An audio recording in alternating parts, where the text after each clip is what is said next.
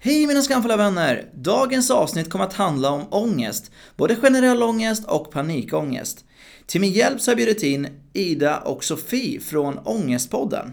Ida berättar om sin panikångest och Sofie om hur det är att vara vän till någon som har ångest. Vi ställer oss även frågan hur ångest påverkar våra vänskapliga samt kärleksfulla relationer.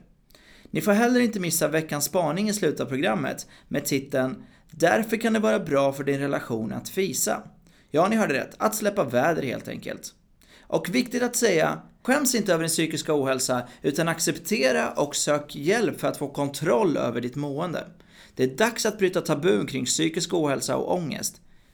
Nu rullar vi avsnitt 24. Let's go!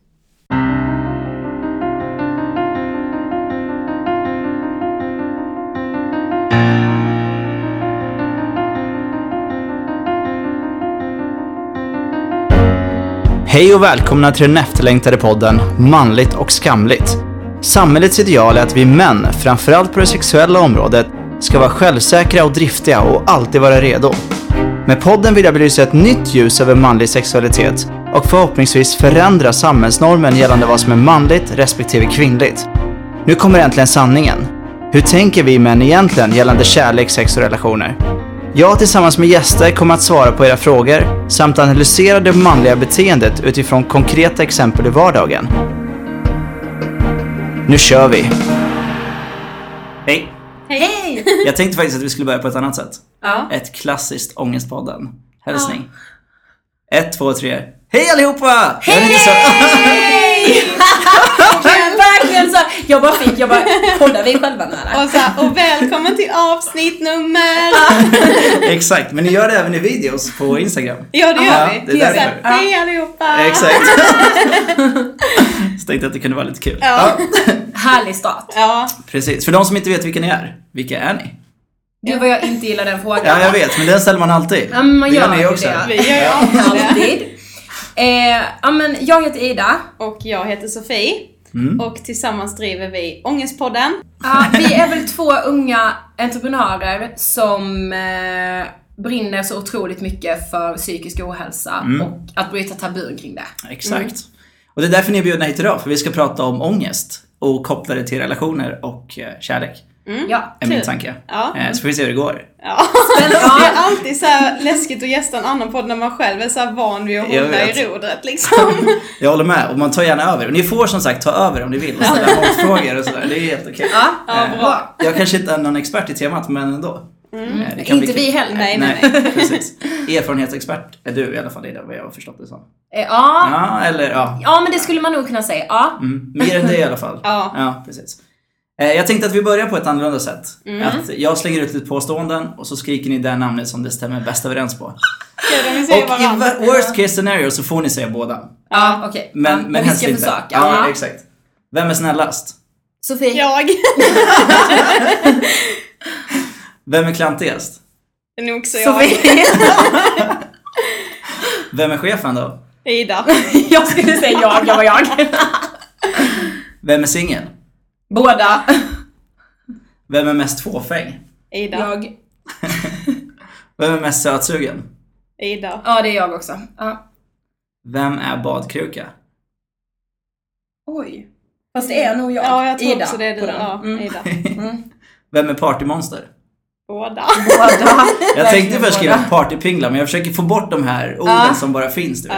Men- Monster, är det bättre? Ja, partymonster. Man blir väl ett monster när man festar. Exakt. Alltså, kvart, i, kvart i fyra så är man inget annat än ett monster. Nej, liksom. precis. Båda i alla fall. Vem har mest hemlängtan? Oj. På senaste tiden du Sofie. Ja, Tror jag. jag med säga. Men överlag jag. Generellt du, ja. Ja, Ida på den då. Just det. Vem är tidsoptimist? Sofie. Ja, det är nog jag. Mest, ja. Ja. Så du håller koll på tiden? Så att ni, Ja. Vem är kärleksfullast? Ida. Så kan man säga så. Utan tvekan Ida. Ja, ja. Och sen sista frågan innan vi går över till temat. Vem är morgonpiggast? Ida. ja, det är jag. Eh, Hur tidigt går du upp? Alltså, vi försöker alltid gå upp sju, båda två. Fast idag faktiskt så kom Sofie in och väckte mig. Vi bor ju tillsammans. Mm. Ja, fast vi har som våra minilägenheter, så här varsitt rum. Du bara kommer och knackar på dörren, du bara hallå klockan åtta, så här, jag bara oj, hade försovit mig en timme. Men, Men ja, Ida är sån här som, det räcker att Ida är vaken i typ fem minuter så är hon sig själv. Det tar lite längre tid för mig. Ja, det är nog sant. Ja. Ja, jag är lite så här en liten suris. Lite längre.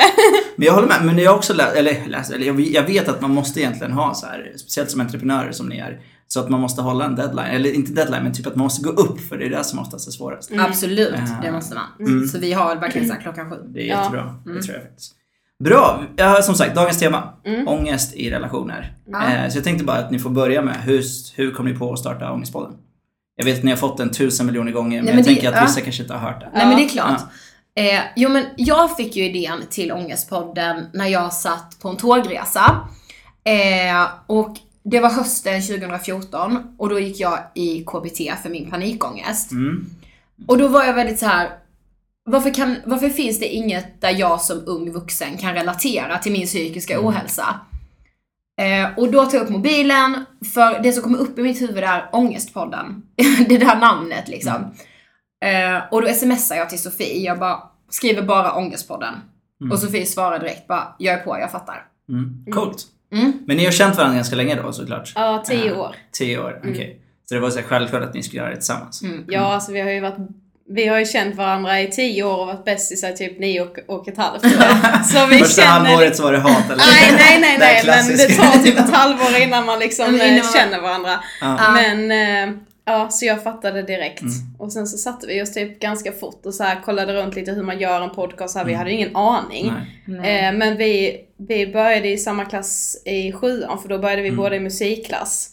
Så vi är väl båda ganska kreativa. Det är nog därifrån det kommer. Vi kände Mm. att vi ville göra något kreativt och kul liksom. Mm. Mer än utöver typ så här blogga. För det, Mm. det har funnits så himla länge. Det känns lite så här.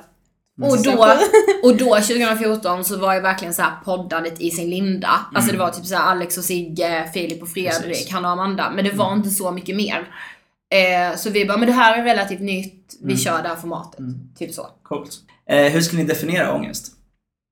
Jag tycker verkligen det där är svårt. Mm. Eh, eftersom jag har haft panikångest, Mm. så för mig är ångest verkligen någonting, ja men någonting som har varit som en biroll i mitt liv. Mm. Jag har alltid haft nära till ångest och den har alltid varit där som en ovän på Mm. något sätt. Det var en av våra gäster som sa det, bara, jag ser ångesten som en ovän. Mm. Och det gör verkligen jag med, som någon fiende som ändå alltid har funnits i mitt liv på Mm. något sätt. Ja, jag förstår ungefär vad du menar. Mm. Men alltså, tänker man ovän på så sätt att den vill liksom göra en illa eller? Är det så? Ja.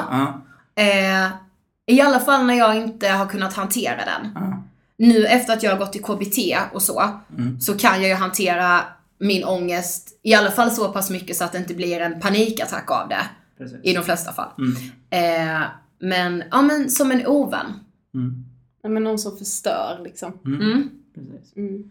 Men hur, vad är det för kännetecken då? Hur, alltså, hur vet man att, eller för de där ute som Mm. tror att de kanske har, hur kan man känna igen det? Alltså vi brukar säga att ångest är typ olika för alla. Mm. Alltså jag tror verkligen det. Det är så här, man måste få definiera sin egen ångest. Mm. Alltså något som kan ge en viss person jättemycket ångest, ger någon annan person ingen ångest alls. Mm. Eh, och sen så beror det nog på mycket vad man liksom har varit med om och går igenom. Mm. Och det finns liksom ingen ångest som är mer eller mindre än någon annan heller. Nej. För känner man ångest så kan det kanske vara på grund av minsta lilla sak egentligen. Mm. Men det är kanske första gången man liksom upplever någonting som blir ångestrelaterat och då känns det jättemycket. Mm.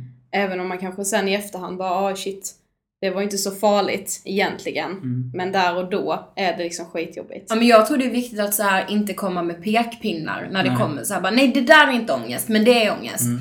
Jag tror så kan man nog inte riktigt, Nej. alltså Så inte... det här vardagssnacket som, som många kritiserar, eller när man säger typ såhär, ja Mm. ah, det känns, jag har fruktansvärt ångest just nu. Alltså du vet det här när man kanske missar bussen och känner, förstår du vad jag menar? För det Mm. Ja. finns ju en skillnad på ångest och ångest också. Absolut. Eh, Eh, Alltså ja, det, det där är ju liksom svårt för det Mm. blir så här, vi, jag, jag tycker inte man ska slänga med ordet, alltså Nej. att överdriva eller så här bara, ah, men jag har ångest, ah, så är det så här kanske för att en, det där klädesplagget var slut i storlek S för Mm. Att man skulle ha det. precis. Det kanske inte är riktigt rätt att använda Mm. ordet ångest då. Men, eh, För det, för det hänger ihop med frustration lite grann. Ibland så Mm. använder man det som att nu är jag frustrerad, fast då använder man ångest istället. Ja men precis. Eh, och det är inte riktigt samma sak. Nej. Man Nej. måste ju även skilja på ångest och ånger. Det vet jag att vi har Ja, pratat om precis. någon gång. Jag tror det var när Anita Schulman gästade oss. Ja. Eh, det är ju skillnad liksom på, man kan ju ha typ så här bakisångest, Mm. säger jag nu, för att man har Precis. gjort någonting när man har festat som Mm. man ångrar. För att man bara, jag hade aldrig gjort det nykter.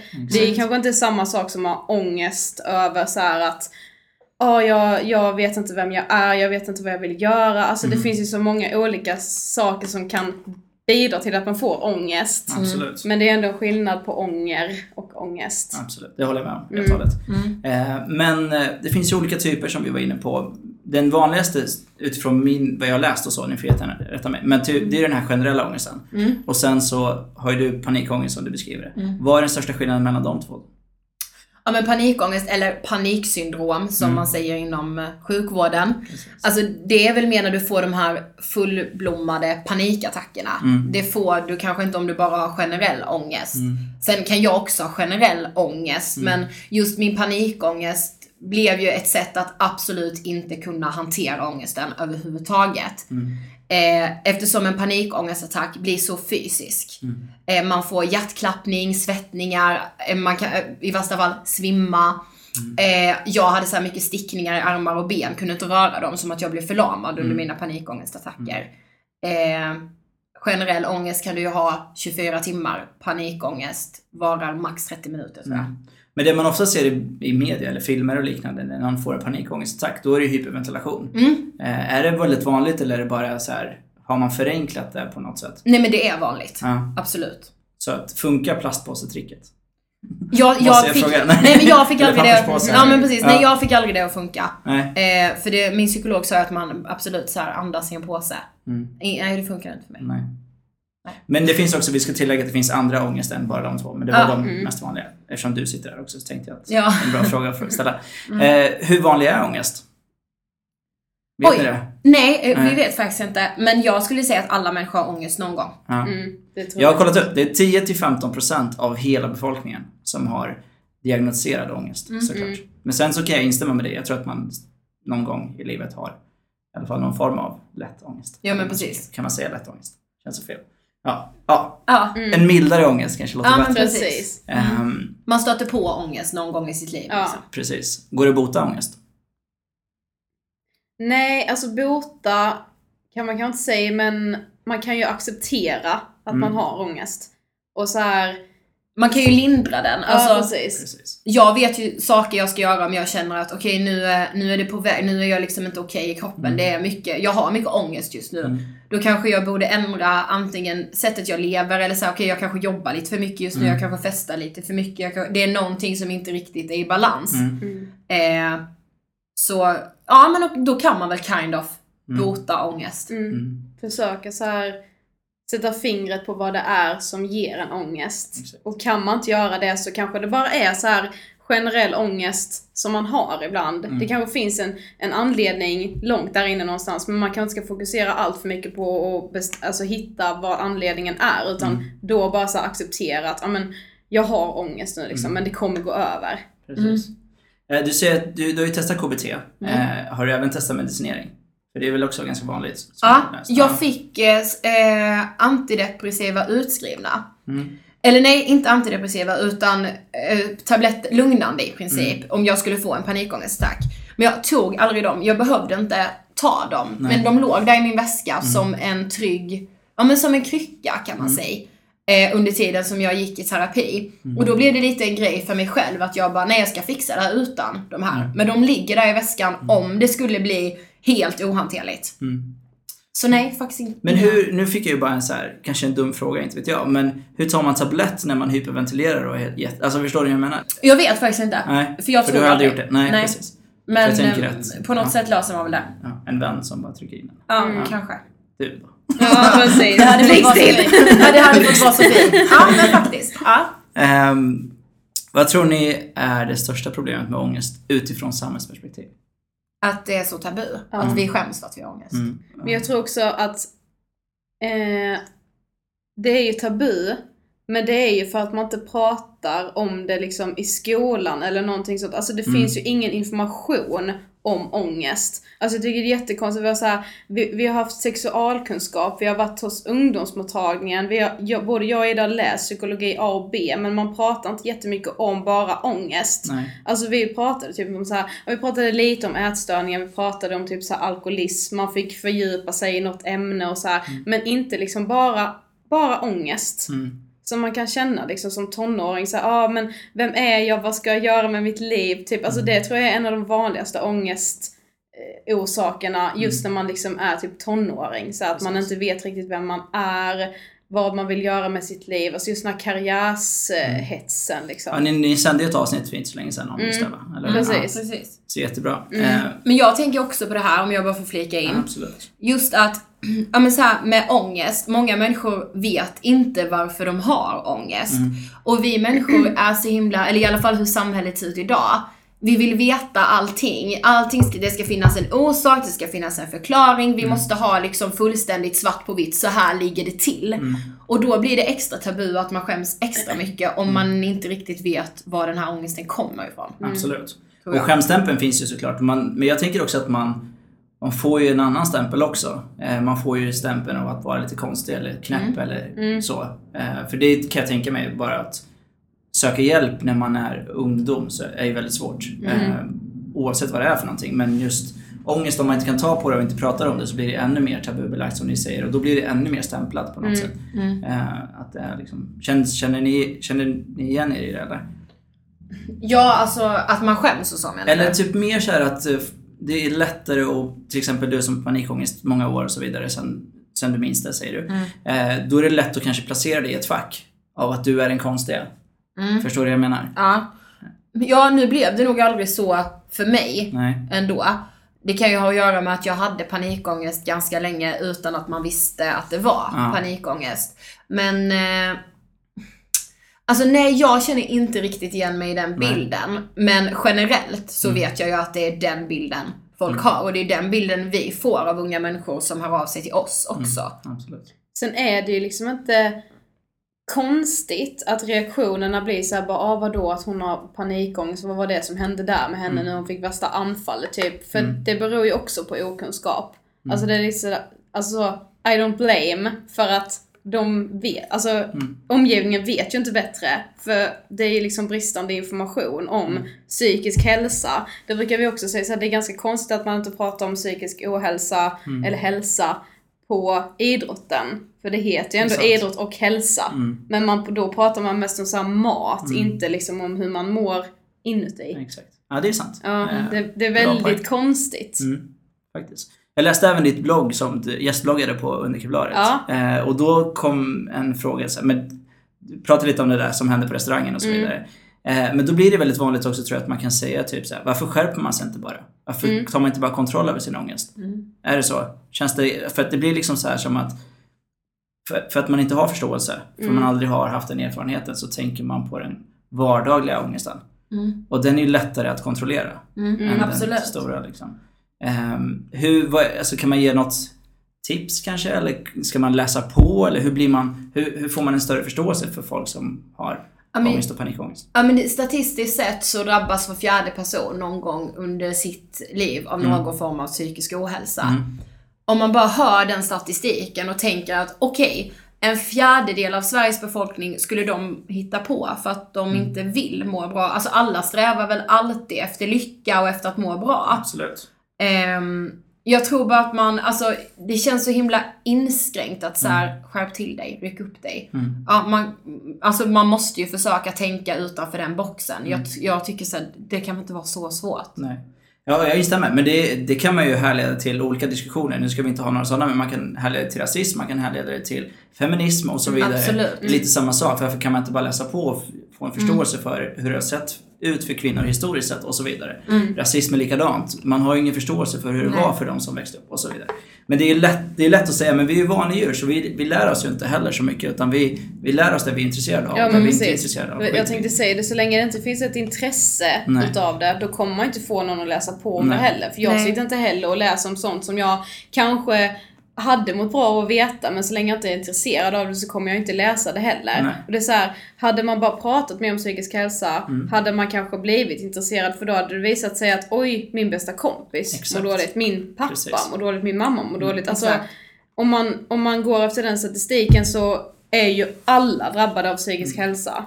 Det, vi brukar liksom tänka på det också för när vi var 15 så drabbades ju vår bästa kompis av bulimi. Mm. Och när det hände var vi såhär bara, alltså det här hände oss, det här hände ju bara på film liksom. Vad ska hända nu? Kommer hon dö liksom? Mm. Men vi var ett tjejgäng på fyra tjejer.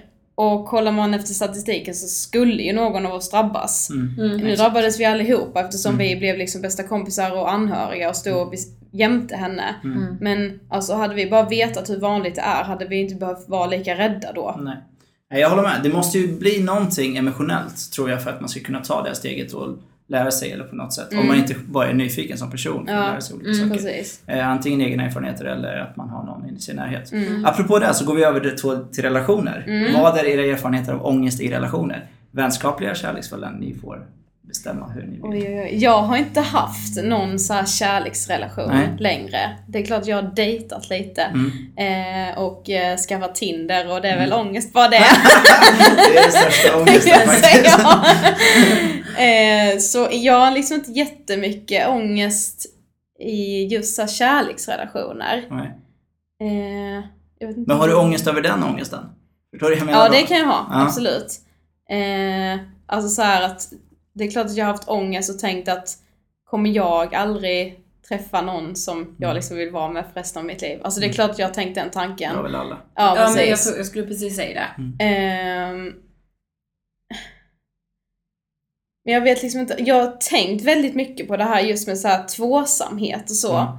För att ibland kan jag tänka att anledningen till att jag får ångest av att jag inte har varit i en relation till exempel. Mm. Det beror inte på mig själv utan det beror på att samhället är uppbyggt.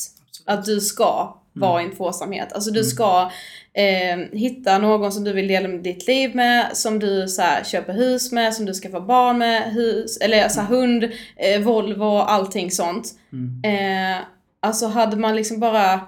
Det är, man, man blir liksom matad Mm. med att man ska Exakt. hitta någon Mm. att dela livet med.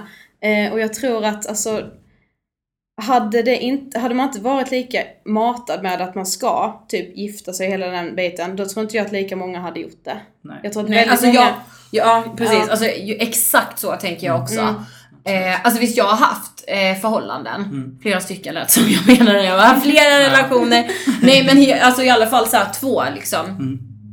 Eh, och jag kan inte säga att jag har haft så mycket ångest relaterat just till dem. Nej. Eh, det har varit ganska så här, ja men naturliga uppbrott och det har inte varit så här storslaget eller väldigt ångestrelaterat. Sen är det väl såklart alltid ångestrelaterat när någonting tar slut. Absolut. Som har betytt mycket för en. Ja, ja, absolut. Men, men nu, alltså som singel, Mm. så tänker jag precis så som Sofie säger. Alltså det här att vi blir matade med den här tvåsamheten hela Mm. tiden. Att så här, det finns ingenting annat. Eh, är man, säg att man är 35 och singel. Mm. Då blir det så här, stackars dig. Mm. Vad- Absolut. ja, men du måste träffa någon. Du måste, ja, är du medlem på alla de här sidorna? Alltså om den personen då skulle säga, nej men jag vill inte träffa någon. Då ses ju den som en alltså, Absolut. total idiot. Ja, ja. liksom.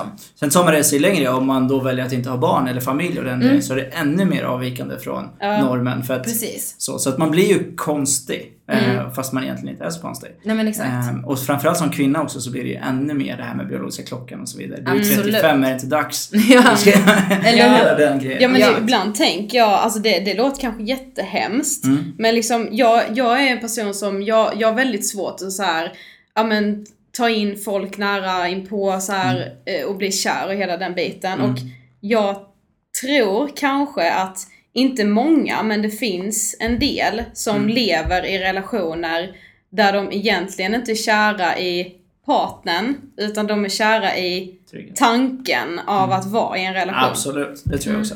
100%. Och, och det kan väl liksom, alltså när jag tänker på det så känner jag, oh wow vilken så stark eh, kvinna jag är som typ så vågar tänka den tanken. Men det är inte alltid jag Nej. är så heller. Jag har perioder när jag mår alltså, svindåligt över att jag aldrig har varit i en relation för det skrämmer ju mig också. För jag är så här, tänk om jag verkligen vill vara i en relation när jag Mm. är 35 och inte är det. Just nu vill jag inte vara i en relation så då mår jag inte alls dåligt av det. Nej. Men om jag vill det då, Mm. då kommer jag säkert må Men dåligt. det är också en fråga man kan ställa sig. Kan man vara kär i en person resten av livet? Egentligen? Mm. Eller tappar man det? För det finns ju teorier eller vad man, som säger att man, man har den här gnistan i typ ungefär 18 månader och sen Mm. så är det vardag. Och ingenting mer än så. Och då är det så här 18 månader, det är inte länge i en relation om man nu ska se det som enligt normen. För då ska man ju hålla upp i flera år. Mm. Ja, jag vill ju, alltså eftersom det bor någon slags romantiker i mig. Ja, Nej men jag absolut. älskar kärlek. Alltså det är helt sjukt men jag älskar verkligen kärlek. Ja. Så för mig, att man bara skulle vara kär i någon i 18 månader, det är det absolut värsta jag har hört. för jag vill inte att det ska vara Nej, så. absolut. Jag håller med dig. Men det är kanske så. Nej. Vad är kärlek liksom? Ja, Det är ju också det. För, att, för Mm. du kanske har en bild av vad kärlek är och du var väldigt skeptisk mot det. Så att det, det hänger ju också ihop kanske i, i det. Du kanske Mm. blir väldigt kärleksfull direkt när du träffar någon. För att du kanske, det mer handlar om bekräftelse. Ja, nu, precis. Mm. spinner jag bara vidare på sina tankar. Och du får den. Och om inte du får den efter 18 månader, vad händer då? Är det inte Precis. kära längre? Gör man slut eller? vad- Så det är en, e- ens egen definition. För det kan Mm. bli en annan form av kärlek. Det kan bli liksom att man går över till att älska den personen istället Mm. för att ha kär. För att vara kär. För kär kanske är öppningsfasen i det hela. men Och sen exakt. så börjar man älska någon och känna att jag vill göra allt för dig. Liksom. Mm. Eh, Så det, det är svårt det där med Ja, jag, jag har lyssnat väldigt mycket på Alexander Bad har ju Mm. väldigt starka teorier är om cool. det här. Ja. Ja, svincool. Älskar honom. Ja. Eh, och han, han säger ju liksom så att det finns kanske ett bäst före-datum Mm. på alla relationer. För att man, är ju, man förändras ju väldigt mycket som människa hela livet. Mm. Jag är väl en sån som tror att man blir liksom aldrig typ färdig med sig själv. För man hittar hela tiden nya egenskaper och saker och ting som händer i livet gör ju att man förändras. Mm. Eh, och då känns det nästan omöjligt att det bara skulle finnas en person som är den rätta. Mm, Alltså jag tror i sådana fall att det finns väldigt många som är Det den rätta. Ja, genom absolut. hela livet liksom. Ja. Och att de kan ändras. Mm, den rätta personen för mig idag, om jag skulle hitta någon nu och bli kär i, det Mm. kan inte alls den killen jag skulle vara kär i när jag är 40. För då Nej. kanske det finns någon som passar ännu bättre in. Absolut. Alltså, Absolut, ja men så är det ju. Ja. Så växer man ifrån varandra och det är statistiskt sett också mer större sannolikhet att man skiljer sig eller separerar när- om man har träffats när man är yngre. Ja. För då har man verkligen inte hittat sig själv heller. Sen Nej. är det större chans om man är lite äldre. mm. Eh, är man äldst, tydligen, jag såg någon ny forskning, eh, typ om man är över 35 och träffas, Mm. då är det också jättestor chans i dagens samhälle att splittra. Så det är mellan 25 och 32 tror jag som var störst chans att hålla. Vilket är Aha. väldigt intressant. Eh, Mm. För att jag tror att man blir mer kräsen när man blir äldre. Vilket gör att man har högre krav på sin partner. Mm. Som gör att man lättare då kan separera efter två, tre år. Eh, om man har fått sitt barn och hela det Ja, är ja. liksom klart. Ja men det är sant. Eh, Det tror jag, det tror jag nog också på Mm. faktiskt. mm. Sen beror det nog mycket på också vart man eh, bor tror jag. Jag tycker, Mm. tror det, är mycket, det är mycket mer så tabu Mm. att vara singel när du är lite äldre i en småstad än vad det är i en storstad. Det Givetvis. minns jag när jag flyttade hit. Då jobbade Mm. jag på, eh, eller när vi flyttade hit, då jobbade jag på Rish. Mm. Eh, och jag bara, såhär någon onsdagkväll så var det liksom massa 40-plussare ute och verkligen raggade. Jag bara, vad är, händer detta liksom? Såhär Jag behöver vuxen. inte, jag kan vara singel till 40. Ja men precis, yes! Om man vill, ja. det kändes skitbra. Nej men det, det ser man ju inte hemma i lilla Karlshamn. Nej. Nej, det Där är det ju mycket absolut mer tvåsamhet. Mm. Ja, men det kan jag tänka mig. För att Mm. så lämnar man den personen, då, då pratar vi om det du var inne på, det här med att man lever med den personen för att. Liksom. För lämnar man den, vem ska man då hitta? Mm. Precis. Är? Ja men precis, Ja. för då är det såhär, men alla andra är redan tagna. Ja, typ. precis. Och det är såhär, nu blev det så här. Mm. Alltså jag tror det är lättare att bara nöja sig i den situationen man är i en mindre Mm. stad. Dels för att man har inte så mycket annat att välja på Nej. kanske. Om man, om man är den här, om man är en sucker för trygghet. Mm. Då, blir, då är det ju så lätt att säga bara, men jag har ju det bra. Och sen bara nöjer man sig. Mm. Eh, och jag tror, jag tycker det är lite farligt att Mm. nöja sig. Jag håller med. Men det är också farligt omvända roller. Jag vet. Att aldrig vara nöjd. För Precis. Mm. jag är ju lite i den skeden nu också så att man är väldigt så här. jag förtjänar det bästa och jag kommer inte nöja mig där utan Mm. jag kan hitta någon annan som är bättre och så vidare. Men, men för, samtidigt så är jag romantiker som du är och tänker att men när jag väl träffar den personen så kommer det vara den. Som Mm. jag kommer känna det och du vet. Precis. Kommer man det? Men det vet man ju inte heller. Nej. Eh, Nej men verkligen inte. Sen tror jag att man kan ha människor i ens liv som verkligen kommer betyda jättemycket för en även om det aldrig blir liksom en, en fullständig kärleksrelation. Mm, så kan det finnas personer som man verkligen alltid kommer ha känslor för. Mm. Som alltid kommer vara lite sådär, alltså man, man, jag tror man kommer ha så här tre, fyra stycken som Mm. man är lite extra svag för. Mm. Även om Mm. man vet någonstans att de personerna inte är alls bra människor. Man kan inte hjälpa vilka man får liksom känslor Nej för. precis. Det kan man ju inte heller styra över Nej. tyvärr. Nej, precis. Som Alexander Bard sa, att man skulle skaffa, komp- eller skaffa barn med sina vänner i framtiden. Mm. Eh, Så det kanske blir ni två som... Tänk det Sofie. Maybe. Jag, jag har tänkt flera gånger bara, varför kan inte jag och Ida bara vara kära i varandra? Ja, alltså vi har sagt så många gånger. Vi, det var någon poddlyssnare som bara, är ni tillsammans? Eller vi bara, we wish. Ja, precis. Men ni har inte tröttnat på varandra så? Nej. Nej. Nej, men verkligen det är inte. Jättebra. Det är Ja. Men eh, apropå relationer så, eh, hur tidigt ska man berätta? Hur tidigt har du berättat, eller har du berättat överhuvudtaget om din panikångest i dina tidigare relationer?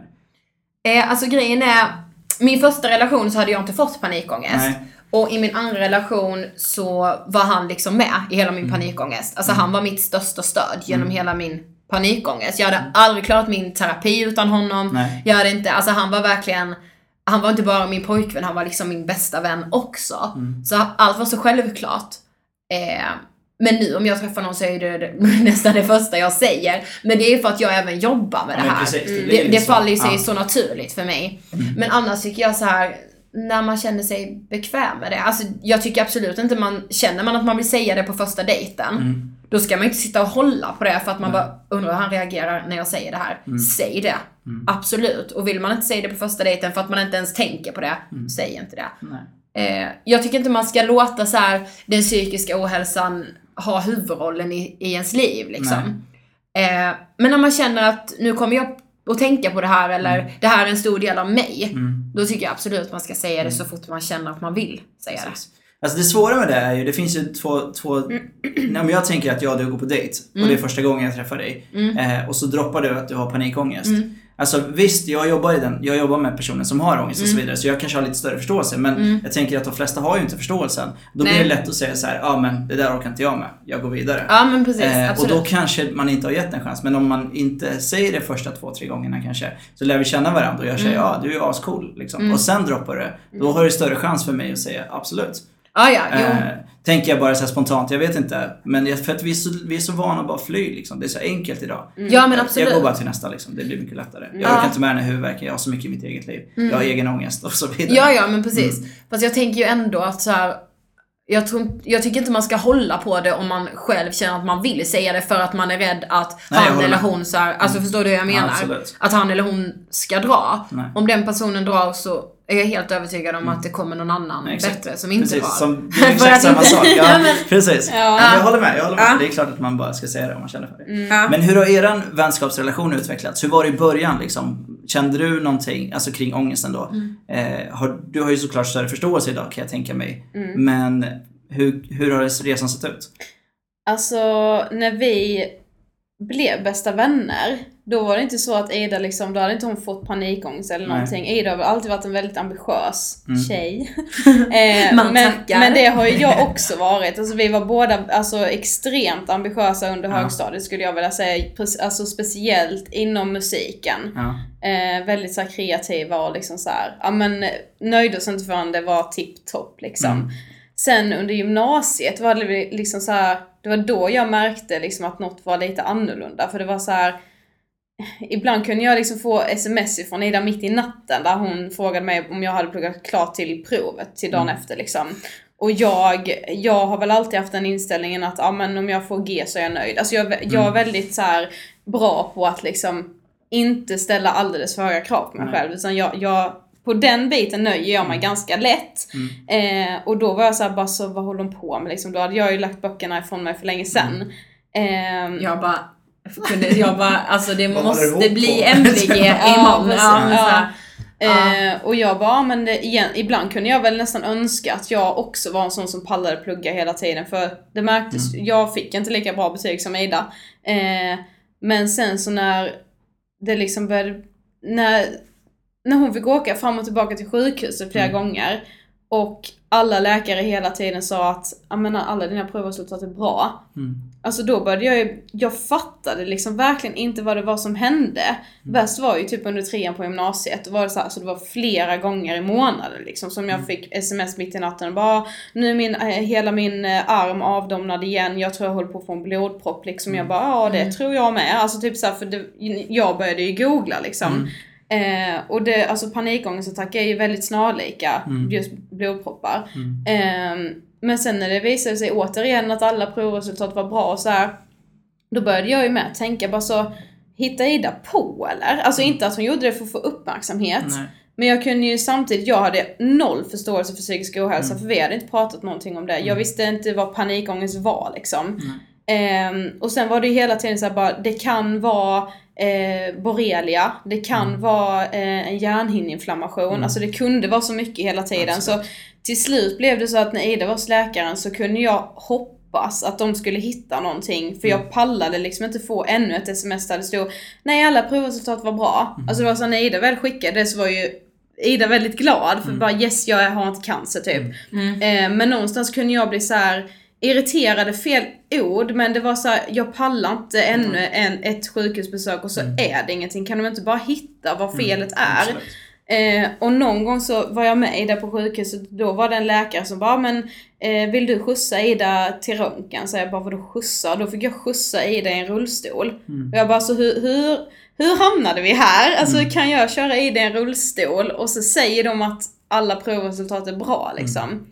Eh, så när vi väl fick reda på att det var panikångest, då var ju det typ bara skönt för mig. Mm. Alltså då var det så här, åh det är bara panikångest, Mm. vad skönt. Liksom, det är inget så här, ingen fysisk sjukdom. Mm. Sen uttrycker det sig fysiskt. Mm. Eh, men då var det ändå som så här, poletten trillade ner typ. Då Mm. kunde jag ju ändå Mm. se det här mönstret i att Ida pressade sig alldeles för mycket, Mm. eh, var liksom aldrig nöjd.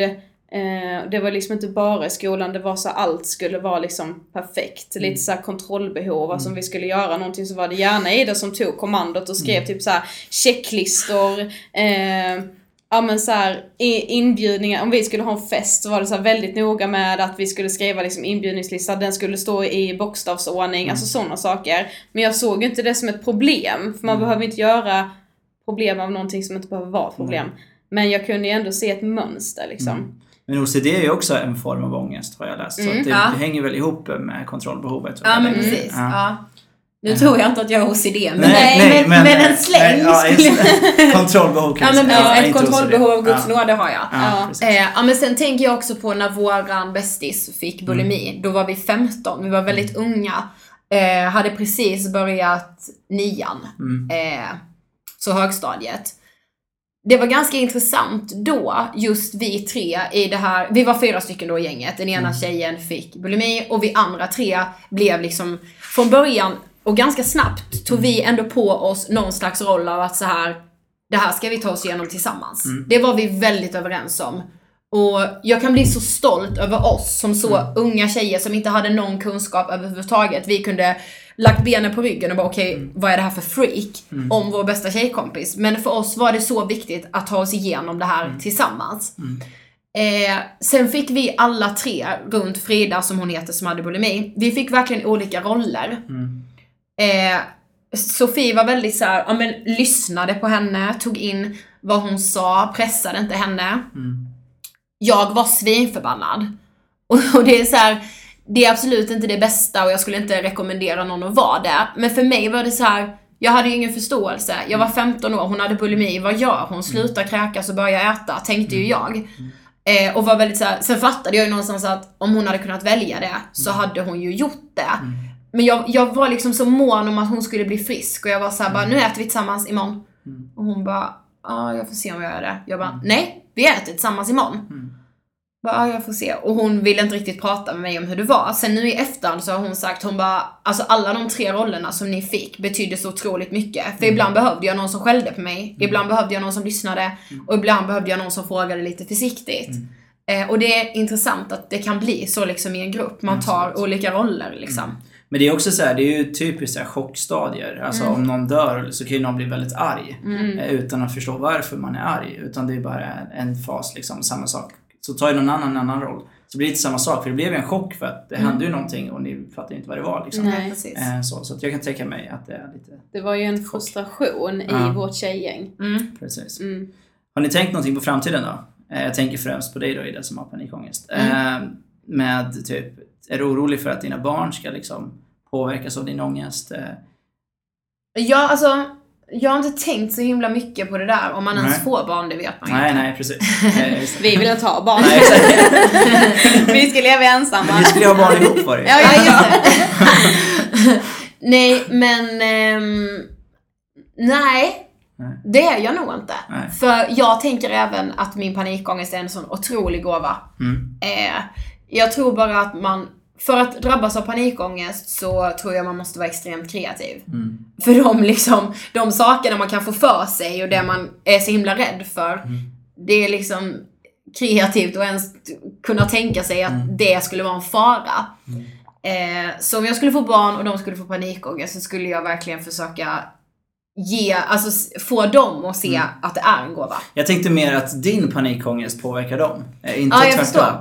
Eh, Eller typ så här, hur, hur berättar man det liksom? Mm. Eh, Men ni är ju Alltså, så vana att prata om det så ja, jag tänker att precis. det kanske är ganska så här- enkelt. Men, Jag har inte haft panikångest nu på typ tre år. ja, Alltså jag kan ju känna så här, jag kan ju känna så här, okej jag har lite panikångest i kroppen kan jag säga så.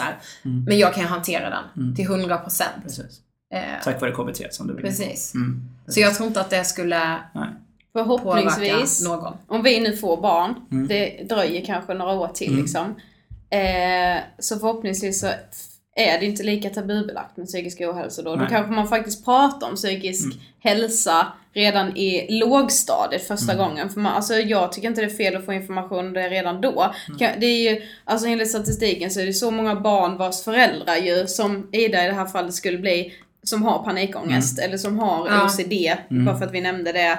Eh, alltså, får man bara liksom bara en förståelse för att det är så vanligt. Alltså jag tror verkligen det är det som är det största problemet. Mm. Att man inte vet att det är så vanligt. Sen är det så här, det är så lätt att läsa på google typ hur vanligt det är. Det var ju lite så ångestpodden kom till också. Att så här, om man gör en googling och så står det att var fjärde person, man bara vadå var fjärde person, varför vet inte jag en enda då? Men det vet man ju, men det är ingen som har pratat om det Nej, liksom. precis. De vet säkert inte heller själva. Nej, Nej. Precis. Precis. Så förhoppningsvis så är det inte alls tabubelagt. Då är det Nej. så här, vi vill ju liksom att det ska vara lika vanligt att säga till sin arbetsgivare eller till sina klasskompisar att man ska till psykologen som det är att säga att man ska gå till tandläkaren. Absolut. Och det är liksom det målet vi jobbar för varje dag. Så förhoppningsvis så har vi ju nått det målet när vi blir föräldrar. Exakt. Vi hoppas det i alla fall. Ja. Eh, Jag tror att det kommer bli så. Mm, jag hoppas Måste också. vara Ja. optimistiskt. Eh, s- Jag fick in en fråga som ni kanske kan hjälpa till att svara på. Mm. Eh, Tillsammans kan vi göra det. Ja. Är ni redo? Ja.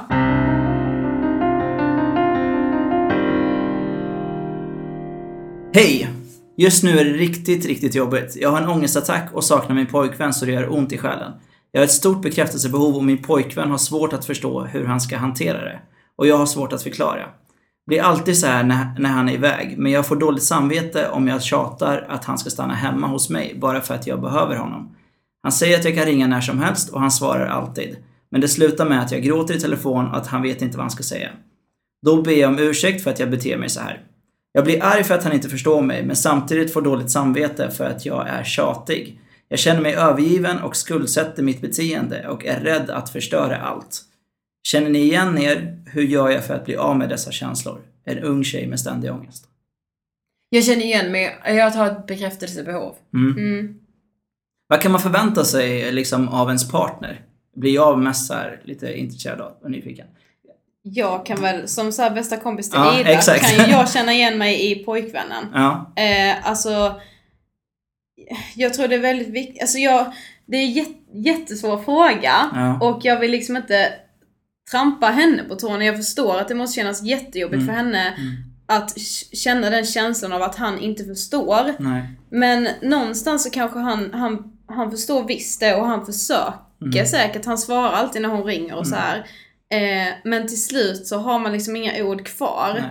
Men då är det nog väldigt viktigt att de i alla fall har en dialog om att han lyssnar även om han inte vet vad han ska säga. Mm. Det fick jag säga till slut när Ida hade haft så mycket panikångestattacker och jag hade försökt lugna henne. Att till slut känns det som att man bara upprepar sig. Man säger samma sak gång på gång och då pallar är fel ord att säga, men då vet man liksom inte mer vad man ska säga. Och då är det så här, jag vet inte vad jag ska säga men fortsätt prata för jag lyssnar. Mm. Även om jag bara Jättebra. säger mm, ja, okej. Men det tycker jag mig ofta förväntar man sig inte mer heller. Jag skulle aldrig, när jag hade panikångest, förvänta mig att någon ska komma med någon formel så att allting känns bra. Absolut inte.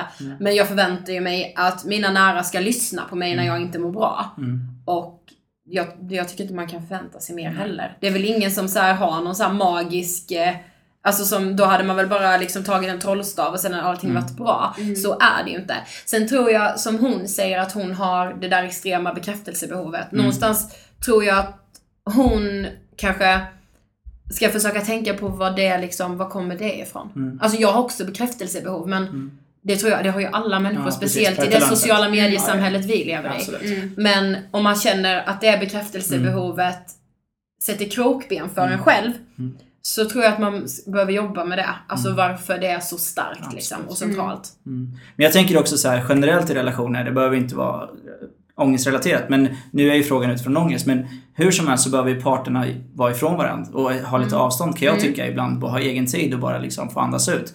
Och ni som är vänner och du har fått tagit det ganska mycket. Men jag tänker att, jag tror att det är hans sätt kanske bara så här andas ut lite. För att jag tror att han lever med det i vardagen. Så. Och det är ju inget fel, han har ju valt det och det verkar vara bra hälsosamt ändå. Men att hon ändå måste förstå att han behöver också andas ut. Eh, Eller har jag fel i det? Liksom? Jag tänker, har du känt behovet av att behöva andas ut ibland? Liksom? Nej, det har jag väl Nej. inte. Men jag tror det är väldigt viktigt det har vi ändå pratat om någon annan gång, jag vet inte om det var i vår egen podd eller när vi har gästat någon annan podd. Men just det här att eh, när, vad har man för eget ansvar när man har någon form av psykisk ohälsa gentemot sina anhöriga? Och om hon känner själv att hon blir liksom jobbig, då är det kanske som Ida säger att då kanske hon ska försöka förstå varför hon har ett så starkt bekräftelsebehov. Det kanske finns någonting som hon behöver prata om. Som hon kanske behöver prata med en professionell psykolog kanske. Absolut. Eh, eller bara någon som inte är hennes pojkvän. För jag tror att det är, det tror jag också är väldigt vanligt, men väldigt farligt att haka upp sitt eget liv på någon annan. Hon måste eh, våga vara själv. Absolut. Alltså hon kanske ska försöka vara själv även när hennes kille inte är på resande fot. Hon kanske ska ha så här ja, men, någon kväll i veckan där hon lämnar deras lägenhet, om de nu bor tillsammans eller vad de gör, där hon inte är med honom. För nu har hon ju upptäckt att det finns ett problem och det är att när han är iväg så får hon ett extremt starkt bekräftelsebehov. Jag tror att det är, är så vanligt att liksom så här inte våga vara själv. För det Absolut. måste, man, det måste man kunna vara. Ja, jag håller med. Mm. Eh, som sagt, ja, men ta kontakt med någon professionell. Jag tror att han också kan behöva det. Mm. Eh, Finns det, för det finns ju jättemånga anhöriggrupper för alla andra former av problematik. Finns Mm. det det för ångest? Vet ni något om det? För psykisk ohälsa Ja, så ja. överlag. Psykisk Alltså, det ohälsa ju- tror jag det finns. Det beror på vilka definitioner. Ja, Depression men finns ju och sådana saker. Men Ja. just, eh, jag vet inte, ångest har jag aldrig hört att man... Nej. Nej. Nej. Intressant. Ja. Det är ju väldigt viktigt att det borde finnas. Mm. Eh, kanske också något ni ska jobba med. Ja, precis. Starta det också. Bra, men jag tror hon fick hyfsat bra svar ändå. Ja, jag, hopp- jag menar Ja. verkligen inget illa Nej, nej, heller, jag men jag inte. tror det är väldigt viktigt att så här, eh, kunna vara själv. Absolut. Och jag tror också att man måste gå in i sig själv och tänka va- varför är Mm. det så här? Varför känner jag så här? Absolut. Och lite KBT, eh, liksom beteende. Varför Mm. Precis. beter jag mig så här när han är borta? Vad är det jag saknar då? Och så vidare. Ja. Så jag tror det är bara hälsosamt. Mm. Eh, bra. Då har vi kommit till veckans spaning. ja.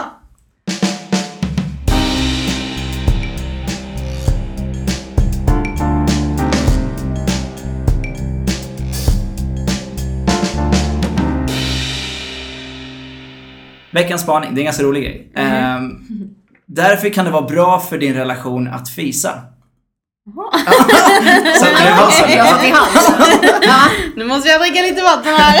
Jag tänkte att det var så seriöst ämne så jag tänkte jag bryter Ja. av det med lite mer skoj. Så jag har hittat en Lite mer artikel. skämt. Ja, lite mer skämt. Fast det är nog seriöst tror jag. Jag vet inte. Ja. jag har hittat Ja. en artikel i alla fall. Så jag kan läsa lite ur den och sen får vi bara spontant tycka Ja, okej. Eh, när är det egentligen okej att fisa framför sin partner för första gången? Lite väderspänning kan faktiskt stärka relationen, trots att det är så pinsamt. Varje relation har några klassiska milstolpar. Första dejten, första kyssen, första övernattningen och förstås första fisen. Eh, det där sista är faktiskt viktigare än du tror. Att fisa framför sin partner för första gången är nämligen något som de flesta av oss är rädda för. När man är sådär nykär och vill bara vara så perfekt som möjligt passar det helt enkelt inte med märkliga ljud och lukter. Smyger iväg till andra rum för att lätta på trycket, inväntar höga ljud mitt i filmen eller sitter och håller oss hur smärtsamt det än kan må vara. Men förr eller senare kommer det hända, vare sig vi vill eller inte. Över 105 olika personer i 25 till 30 års ålder blir tillfrågade när de är bekväma nog att fisa framför sin partner. För de flesta, omkring 29%, dröjer det mellan 2 till 6 månader. 25% svarar att de väntar 6 till 12 månader, medan 22% släpper sig efter bara några veckor. 7% säger att de aldrig någonsin under några omständigheter kommer fisa framför sin partner. Eh, Ja, det var, det var. Alltså det var ju större, sen, ja, det Ja. känner att det blev lite långt. Men, men eh, Intressant ändå. det är väldigt intressant och Mm. grejen är så här. När, min fråga är, när vågar ni släppa? Sätta på trycket. Alltså grejen är, jag tycker att det är så sjukt avtändande. Jag håller med. Jag Ja men alltså verkligen. Och jag hade ju tyckt det om min partner hade gjort det också. Så jag är så här en till två veckor. Bara, baby goodbye. ja, jag blev förvånad när du sa några veckor bara. Jag Jag blev bara what the fuck. What? Jag blev helt chockad. Jag har aldrig Ja. gjort det. Men, men är det Nej, mer, om nu, manligt och skamligt, jag är lite inne på könsroller. Mm. Är det mer vanligt tror ni att killar gör det än tjejer? Ja. Det tror jag också. Mm, Eh, what, och jag tror att det är många killar som reagerar på om en tjej skulle göra. Jag har en Ja, tjejkompis det som känns- har inte har något problem med att släppa väder. Och första gången bara såhär, vad hände här? Men jag tyckte ändå att det var lite coolt på ett sätt. Inte så att jag bara, oh wow. Men, eh, men det blev såhär, jag skiter i. Och sen Ja. glömmer man det efter fem minuter liksom. Ja visst, borta. så det är ju ändå så. Men det känns ju på något sätt, det kanske är verkligen en fördom jag har om killar. Ja. Men det känns som att killar tror liksom att tjejer skiter rosa. Ja, Ja. Det känns ja, ni, ni det. skiter du eller? Nej, jag Va? skojar. Ja. Nej men alltså, eh, ja det var väldigt intressant. Jag Ja, jag blev faktiskt att- lite chockad över de Jag blev också Jag chockad. Det var med. därför jag tog med det. Ja. Ja. Jag blir helt förvånad. Jag är fan rädd för att göra nummer två när jag precis börjat dejta med Ja men precis, det skulle man ju inte göra. Det är ju ett projekt. Alltså jag är så skitnödig, jag måste hem. Ja. Alltså, det är ett projekt, jag Så det säger är det. därför Ja. ni går hem mitt i. Ja, precis. Så allt går ju bra, vad är här? Jag måste hem. Ja, jag kommer igen om tio minuter. Jag vet faktiskt, men, jag, ja. jag, jag har en tjejkompis som så här, dejtade en kille Mm. eh, och så hade hon så här, sovit över där och så. Och då sa han på morgonen bara Jag kan, eh, jag kan så här, jag kan gå ut och gå en runda så att du kan göra ditt. Alltså så, här, så att han Ah. fattade. Ja. Så du kan typ Ja men göra nummer två och allting så här. Det var ändå lite, då tyckte jag så, åh vad fint. Han lämnade lägenheten. då? Ja men hon tyckte med det var, åh vad omtänksam. Ja men det var fint. Ja. Han behövde säkert släppa väder. Då Ja, han så- gick. Han gick till så allmän toalett och gjorde nummer tvåan också. Ja, nej jag blev faktiskt väldigt förvånad över de jag siffrorna. också. Jag också faktiskt. Jag är ganska chockad. Men det sägs också att det blir starkare om man gör det. Liksom. Relationen. Ja, för att då, då, då Okej. bryter man det här liksom obekväma och stela att man hela tiden måste vara ordentlig och att man kommer på, ett, på en djupare nivå om man gör det. Jag, jag förstår inte men... Alltså om jag tänker så här eh, vänskapsmässigt. Mm. Så ja, då kanske Ja. jag har kommit närmare de som jag har fejsit för. Har ni fisit ihop? Ja, gud ja. Det har vi ju. Men Men vi är ju bästisar, bästisar, Ja. ja, precis. Hallå. Vi bor ju tillsammans. Ja, vi är liksom BFFs.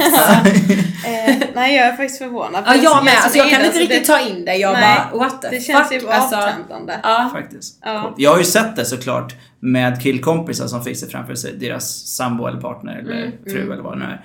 Men, men det är ändå så här, jag, jag har aldrig gjort det och jag vet inte om jag kommer göra det. Alltså i, så här, i sängen och sådär när man råkar, det är ju en annan Ja. sak. Men typ... Ja så men typ såhär sömnen. Det Ja, kan man ju inte hjälpa. Det kan man Nej. inte hjälpa. Nej, precis. Men om man bara säger nu, nu.